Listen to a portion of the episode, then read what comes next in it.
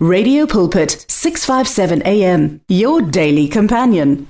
Kulohlelo lapho sithi khona mphatlalatsane ngilithathele lithuba ekseni kungolosihlanu umlaleli ngikubingelele egameni elihle igama lenkosi uJesu Kristu waseNazareth mlaleli siyabonga ukuthi uNkulunkulu ukuvusile ekseni ngiphinde ngibonge nakubahle enhlapho ukusibolekekele lithuba bahle uNkulunkulu akubusise. Siyaqhubeka ke mlaleli nendaba yethu lapho sikhuluma khona ngeziphiwo zikamoya ezahlukeneyo nokuphathwa kwazo mlaleli. Mlaleli thina ikakhulukazi sazi leyiphiwo ezilaphayana kuba esefesi chapter 4 lapho izwi likaNkuluNkulu lithi kuyena futhi wanika abanye ukuba babe ngabapostoli abanye abaprofeti abanye abavangeli abanye abelusi abanye nabafundisi. Sigijima kulezo iphiwo lezo sikhohle kulezi ezilaphayana kwaba seKorinti ngoba lezi ngathi ititle lakhona ligcame kakhulu. Uma ngingumpostoli kuyazwakala. Uma ngingumvangeli kuyazwakala.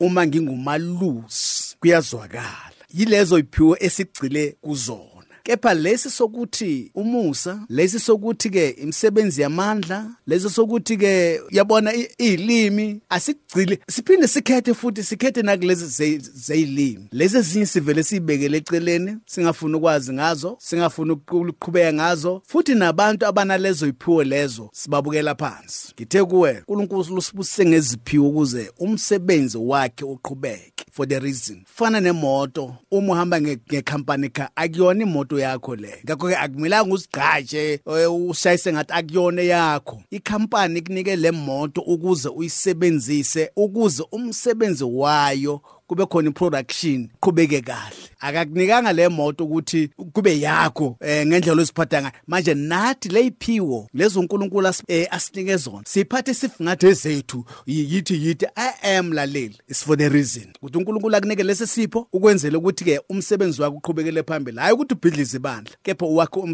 wakhe ibandla. Hayi ukuthi ubhidlize umzimba kaKristu kepha wakhe umzimba kaKristu. Siyaqhubeka emlaleni kepha ke konke lokho kusetshenziswa nguyena lowo moya munye. Ebabela yilo nalowo ngokwakhe njengokuthanda kwakhe ngokuba njengomzimba munye kepha unezitho eziningi nezitho zonke zomzimba nokuba ziziningi zingumzimba munye. Unjalo ke eh, noKristu. Ngokuba ngamoya munye thina sonke sabhabhatiswa sibe mzimba munye. Noma singabajuda noma singamagriki noma siyiziqila noma singabakhululekileyo thina sonke saphuziswa moya munye. Ngamagama mawungahlukanisa umoya kaNkuluNkulu. iBhayibheli lithi ke sabhabhatiswa moya munye. Uma unomoya kaNkuluNkulu uzokwazi ukuhlonipha umoya kaNkuluNkulu okwabanye mlaleli ngenxa ukuthi ke ubabele lezo zipho babelwe yilo moya munye. Ngakho ke uma ungenamoya kaNkuluNkulu uma ukuthi leso siphiwo akusisona esivela kuNkuluNkulu. Sivele ebantwini uzobabukela phansi. Kepha uma kuyisiphiwo esivela kuNkulunkulu esivela kuwo lo moya lo moya ola kuwe uzokufundisa ukuthi kana nesiphiwo leso esikulomunye umzalwane uphiwe yimina umoya kaNkulunkulu. iBhayibheli alithi ke saphuziswa umoya munye. Verse 14 sifunda bakithi ku 1 Corinthians chapter 12 siqala ukufunda evesini le1 manje sesiku verse 14 ngokuba umzimba awusiso isitho sinye kodwa eziningi. Uma unyawo luthi lokhu ngingesiso isandla angisikho okomzimba. Noko luyikho okomzimba. Noma indlebe ithi lokhu ngingesilo iso angisikho okomzimba. Nokho iyikho okomzimba. Uma umzimba wonke ubuyiso ukuzwa ngabe kuphi na mlaleli? That's why ngithi kuwe umoya kaNkuluNkulu kukhona iorder. Uzohlonipha zonke izipho uzohlonipha bonke abazalwane uzohlonipha umsebenzi kaNkuluNkulu uma ukuthi unomoya kaNkuluNkulu. Leso sipho usithole kulomoya kaNkuluNkulu. La iBhayibheli lithi ke uma umzimba wonke ubuyiso ukuzwa ngabe kuphi na uma wonke ubu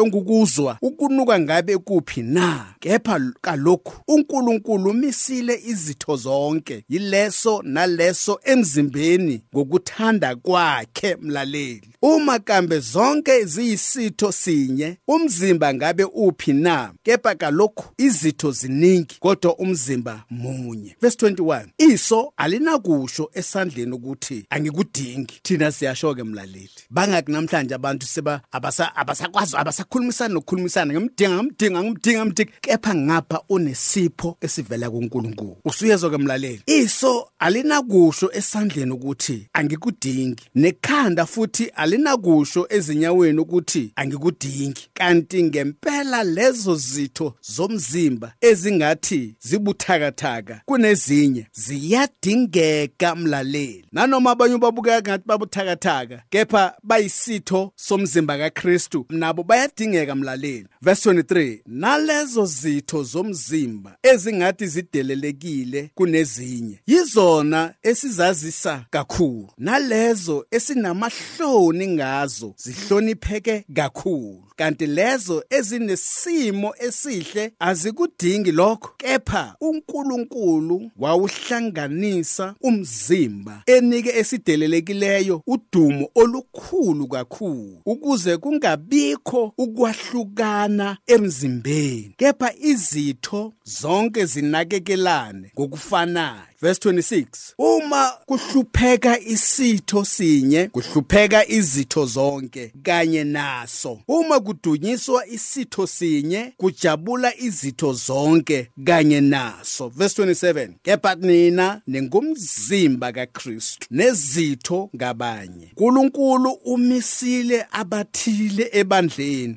Okokuqala abapostoli okwesibili abaprofeti okwesithathu abafundisi bese kuba yimisebenzi yamandla bese kuba yiziphiwo zomusa zokuphulukisa nokusiza nokubusa nezilimi ngezilimi. Bonke bangabapostoli na? Bonke bangabaprofeti na? Bonke bangabafundisi na? Bonke bangenza imisebenzi yamandla na? Bonke baneziphiwo zomusa zokuphulukisa na? Bonke bakhuluma ngezilimi na? Bonke bayahumusha na? Kepha zondelelani iziphiwo ezinkulu. Kanti senginikhombisa indlela eyona eyinhle kakhulu. Usiyabona la umpostoli Paul soyabuza mlaleli. Usethi ke bonke bakhuluma ngezilimi na? Kungani abakhuluma ngezilimi ababukela babukela abanye phansi abangakhulumi ngezilimi? Esithi ngathi abanamaya kaNkuluNkulu. Uyabuza umpostoli Paul. Usethi ke bonke bangabapostoli na? Qho. Bonke bangabaprofeti na? Qho. Bonke bangabafundisi na? No. Bonke bangenza imisebenzi yamandla akhoneki. Bonke baneziphiwo zomusa zokuphulukisa na? Eh eh bayahumusha bonke na? Qha kepha zondelelane iziphiwo ezinkulu. Mlaleli ake sihloniphaneni emabandleni ethu. Sibahloniphe bonke abantu. Nale nalo mbona ngathi udelelekile. iBhayibheli lithi uNkulunkulu umnike udumo olukhulu okundlula elakho. Ngenxa yesikhathi ake sithi kuma la soqhubeka iviki elizayo bahle intambo kuye zakho babayilapha ekhaya mlaleli. The words of the Lord are words of life. Your heart is on 657 AM. 657 AM. Radio for believers in action.